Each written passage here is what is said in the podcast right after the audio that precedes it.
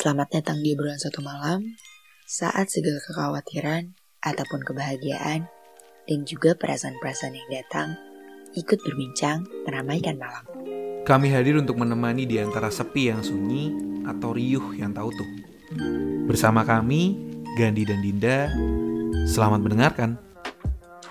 Halo semuanya, kembali lagi di another episode of obrolan satu malam. Pastinya masih sama kita berdua di sini, yang bakal selalu jadi peneman Rio yang tahu tuh teman-teman di rumah malam ini. Minggu lalu aku masih sendiri dan minggu ini udah ada Kak lagi nih. Dan kita berdua bakal ngobrolin tentang topik yang pastinya selalu relate sama teman-teman di rumah, yang pasti selalu bakal ngewakilin kesan teman-teman di rumah. Dan topik yang bakal kita bahas adalah trust issue atau bisa dibilang masalah kepercayaan yang ada di dalam diri kita entah itu ditujukan atau berdampak pada orang lain, orang sekitar kita atau bahkan diri kita sendiri nih. Oke, sebelum kita berlanjut membahas topik itu lebih jauh lagi, seperti biasa aku bakal nanya kabar kita semua sepekan penuh ini. Dimulai dari Kak Gandhi dulu nih Kak. Halo Kak Gandhi, apa kabar? Uh, hari ini kabarku bahagia karena ada skandal trust issue uh, tentang percayaan teman. Yang pertama, kok untuk diri sendiri ke bipolar maniknya sedang kambuh jadi tidur tuh jam 12 malam bangun jam 4 pagi tuh udah langsung full di depan ini meja kerja terus jadi ini Relate sih, Kak.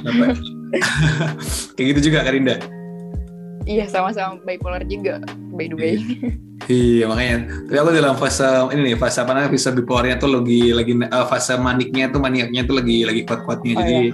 Relate banget sih, relate banget bener. Lebih bener-bener banyak kegiatan aja gitu. Kalau Kak Dinda gimana kabarnya?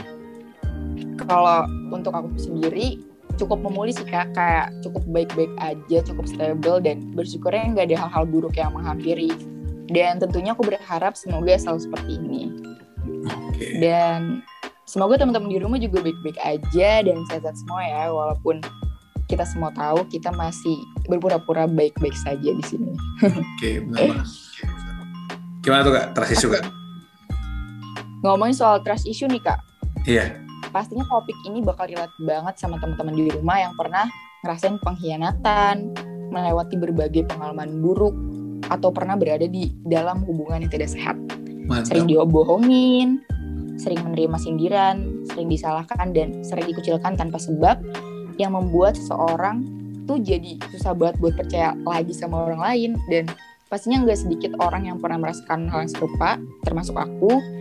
Dan kalau untuk Kak Gandhi tuh pernah nggak sih Kak mengalami salah satunya? Atau bahkan Kak Gandhi sendiri nih Kak termasuk orang yang mempunyai trust issue yang sangat tinggi?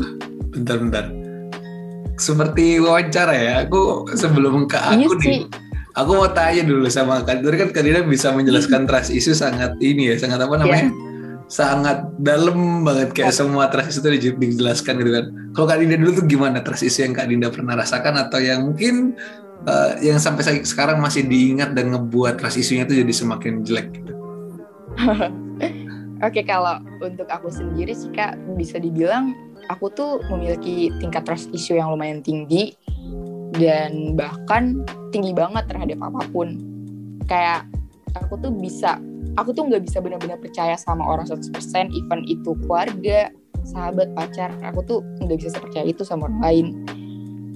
Dan aku tuh cuman percaya sama diri aku sendiri gitu kak. Kayak aku nggak percaya sama sekali kecuali sama diri aku sendiri. Karena aku tuh berpikir kayak aku aja sometimes bisa bohongin diri aku sendiri gitu. Apalagi orang lain. Itu bisa terjadi karena berdasarkan pengalaman-pengalaman atau bisa dibilang trauma-trauma yang pernah aku alami sih kak. Kayak pengalaman buruk yang ngaruh ke psikologis aku sehingga pada akhirnya ngebuat aku memiliki masalah kepercayaan yang sangat teramat tinggi. Contoh kecilnya gini deh kak.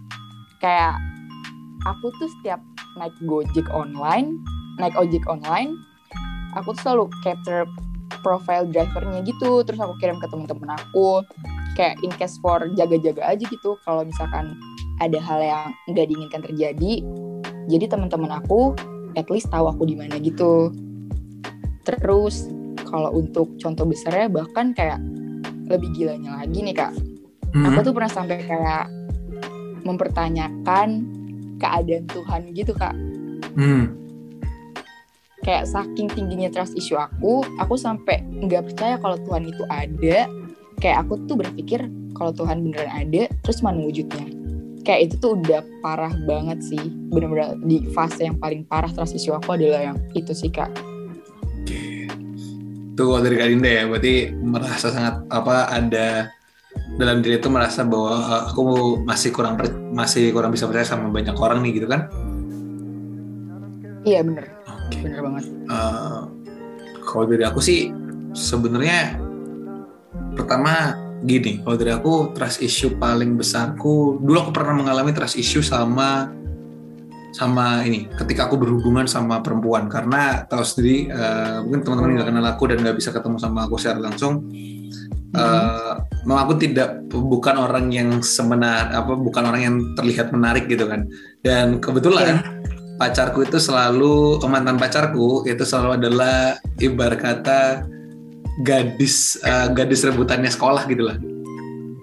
Wow oke. Jadi set- eh, dan semua orang it, eh, trust issue-nya itu dimulai dari pertama ketika aku pacaran sama mantan mantan pacaran sama mantan mantan gue itu masih pacaran sama dia lingkungan tuh selalu bilang enggak mungkin lah si ceweknya bakal suka sama si Gandhi mungkin cuman gara-gara Gandinya pinter atau bisa ngerjakan tugasnya dia gitu loh ya gitu oke Uh, jadi di kepala kita ada banyak ketidakmungkinan tentang itu. Terus habis itu yang kedua kayak uh, eh lingkungannya pacarmu itu cowok-cowoknya lebih menarik loh daripada kamu. Uh, pernah juga punya pacar yang cowok teman lingkungannya itu cowok-cowoknya itu tentara gitu kan. Aku kan bukan orang yang atletis ya gitu. Jadi punya wah itu issue banget gitu kan. Ya. Pernah juga punya pacar yang lingkungannya itu uh, ini anak-anak musik yang bisa main gitar dan sebagainya gitu. oh Wah itu trust issue banget. Jadi eh uh, karena trust issue dimulai ketika yang romansa itu trust issue dimulai ketika aku eh, dibanding-bandingkan dengan lingkungan teman apa mantanku gitu. Tapi dan itu berla- berlangsung selama tiga, tiga orang tiga orang itu dengan orang yang berbeda-beda dan akhirnya jadi toxic eh, toxic relationship ya eh, ketakutan Wow. sendiri dan sebagainya gitu Eh, eh, cemburuan dan sebagainya tapi di fase sekarang eh, dengan pasangan gue sekarang bahkan sampai ngebangun rumah sandeka dengan eh, sebuah kondisi yang di mana kita sama-sama mencoba untuk tidak ada trust issue gitu loh kalau misalnya ada ke- kecemburuan dan sebagainya ada ada kebe- eh, ketidakpercayaan satu sama satu sama yang lainnya ya dibicarakan dengan cara yang dewasa gitu. Eh, itu trust issue yang pertama tentang romansa. Eh, trust issue yang kedua itu tentang teman. Kak Dinda pernah nggak nge- nge- mengalami trust issue dengan teman? oh pernah banget sih kak kalau kak Gandhi sendiri ceritanya aku mau denger nih kak dari kak Gandhi pertama Oh, trust issue kak Gandhi ke temen kak Gandhi itu gimana sih kak oke oke. Mungkin kita punya eh, sharing apa sharing pengalaman yang sama mungkin. Jadi kalau aku trust issue ke, ke teman itu lebih eh, kepada ini di luar eh, apakah dia bakal cuman main sama aku aja ya. Jadi kayak dulu tuh sebelum ngebangun rumah Sandekala dan, dan sebagainya itu aku selalu merasa kayak ya temanku temanku. Jadi kayak ketika aku takut mereka nggak ngajak nggak ngajak main aku gitu. Itu oke. itu bener-bener ketakutanku. Dan mereka aku takut ketika mereka main mereka ngomongin aku di belakang gitu.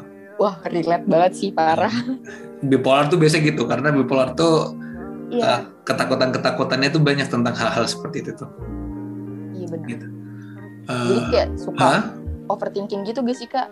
Iya bener itu Ya. jadi apalagi kalau tiba-tiba lihat instastorynya teman tuh lagi lagi di luar sama seseorang terus kita mikir eh dua-duanya kan eh, ker- apa namanya relasiku Iya. ya gitu. Tapi kok kayak kok gue nggak diajak gitu? Iya. Jangan-jangan mereka ngomongin aku ya kadang tuh mikirnya jadi dari trust issue tuh malah jadi ke overthinking dan malah jadi negative thinking. Itu udah pasti banget sih kalau Iya. mulainya dari trust issue dulu. Iya. emang parah sih trust issue tuh. Dan tapi mungkin nih kak dari semua trust issuean ke trust issuean aku tuh mungkin ada dampak baiknya juga loh. Mungkin Apa itu tuh kayak bisa ngebuat diri aku jadi lebih secure lagi gitu kak. Kayak biar nggak mudah percaya sama orang dan Hmm. ngerasa lebih aman aja. Tapi pasti kayak ada dampak buruknya juga kan pasti. Yang ditimbulkan juga. Kayak saking parahnya trust issue aku tuh sampai kadang ngebuat aku jadi netting sendiri. Dan ujung-ujungnya malah ngebuat diri aku dan jadi overthinking gitu kak. Kalau misalkan itu relate gak sih di kakak? Kayak dampaknya yang aku alamin juga. Eh, ini ya kalau aku belajar dari semua trust issue-ku dan sebagainya kekhawatiranku uh, ketidakpercayaanku terhadap semua orang adalah tadi yang Kak Dinda bilang pembelajaran terbaikku tentang positif yang bisa aku lakukan adalah pertama kalau aku trust issue sama sama mantan mantanku dulu berarti aku bisa meng- aku punya semangat untuk mengembangkan diriku jadi lebih baik lagi aku pernah turun pernah turun 20 kilo dalam waktu satu bulan setelah diputusin mantan pacarku yang sebelum Wow. sama yang sekarang gitu wow. Itu 20 kilo lari tiap hari sambil nangis larinya. Itu wow keren sih keren banget. Itu trust issue sama perempuan. Jadi kayak aku kayak aku aku aku nggak mau deketin perempuan. Aku mau jadi ganteng dulu. Uh, aku mau aku mau aku aku mau kurus dulu dan sebagainya. Tapi ketika sama yang sekarang ya udahlah. Orang udah sama-sama sayang ya. Jadi ya udah di apa namanya di di enak-enakin gitu kan. Itu yang pertama tuh. Terus habis itu yang kedua trust issue kepada tem uh, kepada teman-teman ngebuat aku jadi lebih menghargai waktuku untuk diriku sendiri. Bener sih kak. Gitu. Eh, dan berusaha untuk Iya. tidak bergantung kepada teman. Gitu. Terus yang ketiga itu trust issueku kepada ini kan aku bangun rumah Sandekala nih sama teman-teman kan sama beberapa Iya. kolega dan teman-temannya. Trust issueku adalah terkait dengan eh, entah di rumah Sandekala ataupun di tugas kuliah yang kebanyakan tugas kuliahku itu project. Adalah aku punya trust issue bahwa teman-temanku itu tidak apa teman-temanku atau beberapa orang di rumah Sandeka itu mungkin punya kesibukan atau punya kemampuan yang eh, yang gak bisa cepat. Jadi selalu trust issue-nya adalah aku eh, bukan aku meremehkan mereka tapi aku takut mereka tidak bisa mengerjakannya seefektif mungkin. Jadi kayak kalau aku ada waktu aku yang Oh. aku mengerjakan. Itu ngerti ngerti itu mengembangkan diriku jadi lebih baik tapi negatifnya adalah ya tadi bikin capek dan sebagainya gitu sih. ya itu juga relate di aku sih kak kayak aku tuh sering banget dihadapkan oleh masalah yang kayak aku tuh jadi nggak percaya even sama teman deketku kayak mendingan aku aja deh dia yang ngerjain gitu daripada kayak misalkan dia tuh jadi kayak keteteran atau gimana jadi mendingan aku aja gitu yang ngerjain itu relate sih kak di, di aku Oke, berarti berat banget ya masalah. Kayaknya semua orang juga yang trust issue pasti bakal mengalami itu semua dan menurutku itu wajar sih. Iya tapi bener sebelum itu semua, menurut Kak Dinda sendiri tuh eh, apa sih yang ngebuat orang itu ngerasa sampai bisa merasakan trust issue gitu, Kak? Dari Kak Dinda sendiri apa penyebab utama apa yang menurut Kak Dinda bisa menyebabkan itu semua dari Kak Dinda? Oke, menurut aku sih yang paling pertama pasti gara-gara pengalaman buruk yang pernah orang itu alami dan bisa jadi pengalaman buruk itu menjadi trauma bagi orang itu. Jadi kayak dia tuh jadi susah banget buat nge-build kepercayaan ke orang lain. Jadi pengalaman buruk itu yang ngebuat dia kayak punya trust issue tersendiri itu, Kak. Itu sih Kak menurut aku. Kalau menurut Kak Gandhi gimana, Kak? Itu bener sih, eh, pengalaman buruk dengan orang lain, dengan dengan orang-orang yang mengecewakan dan sebagainya gitu kan ya? Iya bener Iya. banget. Tapi seperti yang pernah aku tulis di rumah Sandekala nih, eh, ada dua. Oh, yang paling Apa tuh, ini tentang harapan dan kekecewaan itu secara garis besarnya itu adalah sebenarnya yang ngebuat kita menjadi orang yang trust issue. Trust issue kan adalah mas- masalah kepercayaan ya. Iya betul. Yang ngebuat kamu percaya sama orang lain itu apakah yang mempersilahkan kamu mempercaya orang lain itu kamu atau diri atau orang lain? Iya betul sih Kak, bener banget. Nah, itulah. Jadi eh, buat teman-teman mungkin ini yang sedang aku lakukan juga ketika aku mengobati trust issue dan sebagainya adalah eh, ya memang benar kita bisa bilang bahwa trust issue itu dilak- apa ketika dimulai ketika ada seseorang yang benar-benar mengecewakan kita atau suatu keadaan yang mengecewakan kita. Tapi kita telik lebih dalam lagi yuk. Eh, apakah benar mereka itu yang mengecewakan kita atau kita sedang dikecewakan oleh harapan kita? Ya, balik lagi ke ekspektasi gak sih Kak? Hmm, benar banget. Ekspektasi. Dan sesuai banget nih Kak dengan topik pembahasan kita minggu ini, belakangan ada berita yang viral banget nih Kak. Pasti Kak Gandhi udah tahu lah beritanya apa. Apa tuh? Sule beli mobil. Bukan dekan. Bukan, bukan. Jadi tuh ada salah satu postingan close friend artis Hmm? yang bisa dibilang sangat amat privacy yang dia hanya percayakan kepada teman-teman terdekatnya saja, Hmm. tapi malah teman terdekatnya itu yang udah dikasih kepercayaan banget nih, tapi malah menyebarluaskan ke media dan postingan itu jadi sangat amat viral sekarang. Nah. Nah, Kak Gani udah tahu kan pasti. Udah, udah, udah. Udah dong. Udah lihat videonya juga dong.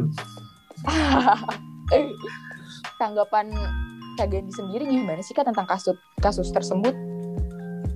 Kalau kasus itu ya, sebenarnya tuh ya pasti ya si pelakunya sendiri salah ya. Sebagai manusia normal pada umumnya yang beradab di Indonesia, kadang kan eh, tindakan-tindakan seperti itu tidak patut untuk disebarkan ya. Gitu kan. Betul. Eh, secara sederhananya logika ada beberapa logika yang eh, ada di kepalaku nih. Kalau eh, video tersebut dianggap normal, berarti Iya. kan ada story-story lainnya yang juga pernah disebarkan ke teman terdekatnya yang apa namanya yang close friend-nya dia juga. Yang oke. Iya, berarti kan ada kemungkinan ada video-video lainnya nih yang pernah dia sebarkan juga tindakan-tindakan lain yang pernah dia lakukan gitu kan Oke. itu tapi nggak perlu kita pikirkan karena kita kesehatan mental gitu kan jadi itu itu nanti jadi gosip tuh jadi gosip Ntar jadi julid. iya habis itu yang kedua adalah eh, sebenarnya itu bisa jadi adalah rangkaian dari pengkhianatan satu lingkungan ke lingkungan lainnya ke lingkungan lainnya Betul banget. contohnya gini, aku aku bisa membayangkan cerita yang ada di kepalaku itu seperti apa ketika ini eh, cerita-cerita di kepalaku ya Dinde. Iya. Misalkan, wah ini si si Z ini dia ngeluarin video, terus habis itu ada satu temennya yang julid, dia ngirim ke Iya. grup temennya yang julid. Grup lain. Iya. Dari grup lain itu, eh jangan bilang siapa-siapa, eh, jangan disebarin ya. Ini aku dapat dari story-nya ini. Eh, bentar, ada ada ada ada HP. Eh, jangan disebarin ya. Eh, aku dapat ini dari dari story-nya ini gitu. Rame itu grupnya. Rame grupnya. Terus habis itu orang terjulit di grup itu akan menjulitkan ke grup lainnya Bener banget. dan akhirnya eh, semua dan sebagainya gitu. Bener.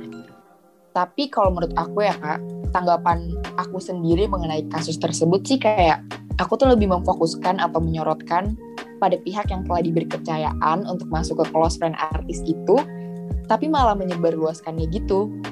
Kayak miris aja gitu kak. Karena bahkan dia tuh nggak punya orang yang bener-bener bisa dia percaya. Bahkan teman terdekat dia aja tuh udah dikasih kepercayaan, tapi malah kayak gitu. Kayak pastinya ke- dengan kejadian sebesar ini nantinya bakal menambah masalah kepercayaan artis itu banget sih kak. Kayak nge-build more more more trust issue lagi sih di artis yang dirugikan dengan kayak dibocorkan close friend-nya ke publik luas tapi balik lagi kita juga nggak bisa membenarkan apa yang dilakukan oleh dia. Cuman kayak aku tuh lebih memfokuskan tentang orang yang udah dikasih kepercayaan ini kak. Tapi malah kayak dengan mudahnya kayak langsung menyebarluaskannya kayak gitu sih kak. Ini sih kalau dari aku eh, di di dalam kehidupan seperti ini tuh ya memang kita bisa bilang bahwa itu akan berdampak besar nih kepada pihak yang disebarkan eh, aibnya gitu kan. Tapi Iya, eh, seperti pada umumnya ada dalam rumus fisika sederhana ya dalam rumus fisika sederhana itu ada aksi reaksi gitu kan. Eh, ketika kita melakukan suatu aksi dan kita tidak pernah bisa apa kita ya harus bisa siap dengan reaksi yang terjadi gitu kan dan Betul. kebijaksanaan tertinggi itu adalah ketika kita bisa tahu bahwa oh aksi yang aku lakukan akan menimbulkan reaksi seperti apa. Eh, itu betul sih kak. jadi yang paling bermasalah adalah ada bukan semuanya tapi adalah apakah benar nggak sih uh, kita semua itu masih benar-benar manusia? Yang satu uh, berbangga dengan suatu hal yang manusia umumnya itu merasa bahwa itu tidak perlu disebarkan gitu kan dan manusia manusia lainnya yang menye- apa yang menyebarkan itu adalah manusia yang lupa bahwa eh kalau misalkan ini ku disebarkan atau aibku disebarkan aku seperti apa ya gitu jadi sekali lagi ini masalahnya ya mereka semua sama-sama masih lupa kalau ya seharusnya mereka jadi manusia normal yang baik dan apa ya yang tidak seperti itu gitu. gitu. Oke iya benar banget sih. Kayak sebenarnya memang dari kedua belah pihak yang mempunyai video tersebut dan yang menyebarkan sama-sama nggak ada yang benar sih. Bener banget seperti apa yang kak Gadi bilang tadi. Dan aku setuju banget sih kak. Nah, uh, karena jadi sebenarnya uh, terus kak kalau misalkan kita trust issue atau ketika kita merasakan sesuatu yang kita sampai khawatir dengan seorang dan kita nggak bisa mempercayai seorang tuh siapa kayak yang harus kita salahkan? Masa lalu kita atau diri kita sendiri atau siapa gitu kan? Ya dua-duanya sama-sama salah gitu kalau menurutku. Betul banget. Kita nggak bisa 100% mengatakan bahwa orang yang pernah melukai kita orang yang pernah mengecewakan kita itu adalah orang iya. yang salah gitu kan gitu. Ya nggak sih kak? Karena iya karena balik lagi kita juga yang membiarkan orang itu mengecewakan kita dan menyakiti kita. Nah, ya gak sih kak? Itu. Iya bener banget uh, secara sederhana sih seperti itu kalau misalkan teman-teman mau coba trust issue uh, dan cara terbaik sih teman-teman terus kak kalau misalkan kita trust issue gimana uh, apa sih yang perlu kita lakukan dan iya. sebagainya itu Kak Dinda pernah punya punya pemikiran nggak gimana cara kakak bisa mengobati trust issue dan sebagainya? Punya meminimalisir lah, bukan mengobati lah kalau gitu. Meminimalisir trust issue? Oke kak, kalau dari aku mungkin kalau kayak teman-teman mempunyai trust issue yang benar-benar tinggi banget nih, dan hmm. ngebuat kalian sampai jadi overthinking dan semacamnya, mungkin mencobalah untuk selalu berpikir positif untuk segala segi kehidupan pasti pelan-pelan teman-teman bakal dapat segala hal positif yang teman-teman dapat dari apa yang teman-teman sulit untuk percaya. Menurut aku gitu sih kak, sejauh ini aku coba karena kayak aku juga masih mempunyai trust issue yang sangat tinggi dan masih selalu belajar untuk mengurangi itu sendiri sih kak. Kalau mungkin dari Kak Gandhi, ada gak sih kak tips atau saran dan awareness yang bisa kakak kasih untuk teman-teman trust issue di rumah sana?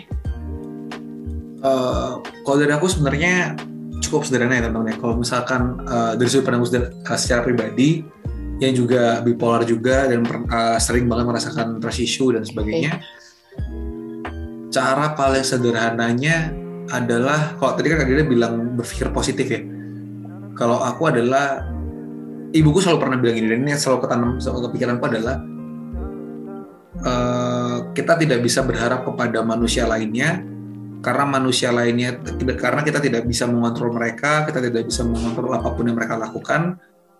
Jadi cara terbaik untuk menghilangkan atau meminimalisir trust issue atau permasalahan terkait dengan kepercayaan ya jangan terlalu berlebihan percaya sama orang atau secara sederhana adalah uh, di bahasa Jawa itu nerimoan artinya. Atau kita berusaha jadi orang yang ya udahlah kalau memang dia nanti seperti itu ya kita menurunkan ekspektasi tapi bukan berarti merendahkan uh, merendah bukan berarti meremehkan mereka gitu. Oke. Okay. itu cara transisi yang masih sederhana adalah kalau misalkan dia uh, kita kenal sama orang nih aku nggak percaya sama dia mm -hmm. gitu kan. Uh, atau kayak misalkan uh, trust issue sama pacar itu kan. Aku punya trust issue sama pacar nih. Ya yakinkan dirimu bahwa uh, kalau misalkan memang dia ada apa kalau misalkan memang dia ada apa namanya memang ada main dan akhirnya mengecewakan kepercayaanku ya ya udah berarti memang tidak tidak bersama dia. Atau memang mungkin dia memang ditakdirkan untuk jahat kepadaku. Uh, jadi lebih banyak ngobrol sama diri sendiri terkait dengan itu. Atau kayak misalkan kayak eh teman-temanku uh, bakal ngomongin aku di belakang nggak ya gitu kan uh, cara terbaiknya adalah berarti kan ketika kamu bilang bahwa eh teman-temanku bakal ngomongin aku di belakang nggak ya Berarti kan sebenarnya ada harapan bahwa di ideal di kepalamu seorang teman tuh seharusnya nggak boleh ngomongin teman di belakang, ya nggak sih? Iya, nah. lebih ke kayak legowo gak sih kak? Iya, jadi ubah pikiran idealmu tentang seseorang. Jangan pernah kita mem, apa, membayangkan suatu yang ideal tentang seseorang atau tentang, tentang keadaan. Karena keadaan ataupun orang itu tidak akan pernah ideal. Kita kita ngebuat orang masuk ke close friend kita berarti kita punya ideal apa punya kondisi ideal di mana close friend kita tuh bakal setia sama kita tapi nyatanya di dunia nyata kondisi ideal itu tidak akan terjadi gitu benar kondisi ideal kita kepingin pacar kita setia sama kita. Dan karena kita ingin banget seperti kondisi ideal yang ada akhirnya kita punya kepercayaan yang tinggi kepada dia bahwa dia akan setia sama kita dan akhirnya kita berusaha untuk menjaganya dan ketika kita berusaha untuk menjaganya jadi trust issue-nya semakin tinggi. Gitu. Benar. Uh, itu dan dan dan akhirnya berputar terus gitu. Karena kayak balik lagi sih semuanya tuh ke ekspektasi sih kak. Hmm. kayak kita terlalu menaruh ekspektasi yang harusnya sesuai dengan ekspektasi kita tapi saat semuanya nggak sesuai ekspektasi kita kita yang bakal malah kecewa dengan kedua belah pihaknya. Entah dari orang lainnya atau dari diri kita sendirinya. Karena balik lagi dari ekspektasi sih kak kalau menurut aku. Oke Nah, ya itu tadi. Jadi kita udah paham ya, uh, kita sama-sama sharing. Jadi kita di sini bukan memberitahu kepada teman-teman, tapi kita di sini, oh dari Kak Dinda sudut pandangnya seperti ini, dari aku sudut pandang iya, seperti benar. ini, dan kita punya satu sama-sama kesimpulan bahwa, oh trust issue itu ya, ya memang berat ya. Kita punya trust issue dan sebagainya, kita punya uh, permasalahan kepercayaan akan semua orang, akan hubungan kita, akan teman dan sebagainya. Uh, cara terbaiknya dari Kak Dinda adalah dengan cara berpikir positif ya Kak. Nah, iya, benar. berpikir positif uh, kalau dari aku lebih kepada mencukupkan ide uh, kondisi ideal yang kita inginkan gitu. Jadi jangan terlalu ideal lah sama jangan terlalu menggebu-gebu untuk semua itu menjadi ideal seperti yang kita inginkan. Itu karena se seperti kata di harapan dan kekecewaan dunia itu lucu. Yang kita tanam itu adalah harapan, tapi yang kita petik itu kadang kekecewaan. Wih, keren banget. Wih, keren. uh, itu kalau dari aku, uh, Uh, sepertinya ada tambah lagi kak terkait dengan pembicaraan transisi ini? Oke, kalau dari aku sendiri tambahannya paling kayak yang tadi aku udah bicarain tentang kayak berpikir positif untuk segalanya kalau emang kita mau menurunkan level trust issue kita sendiri.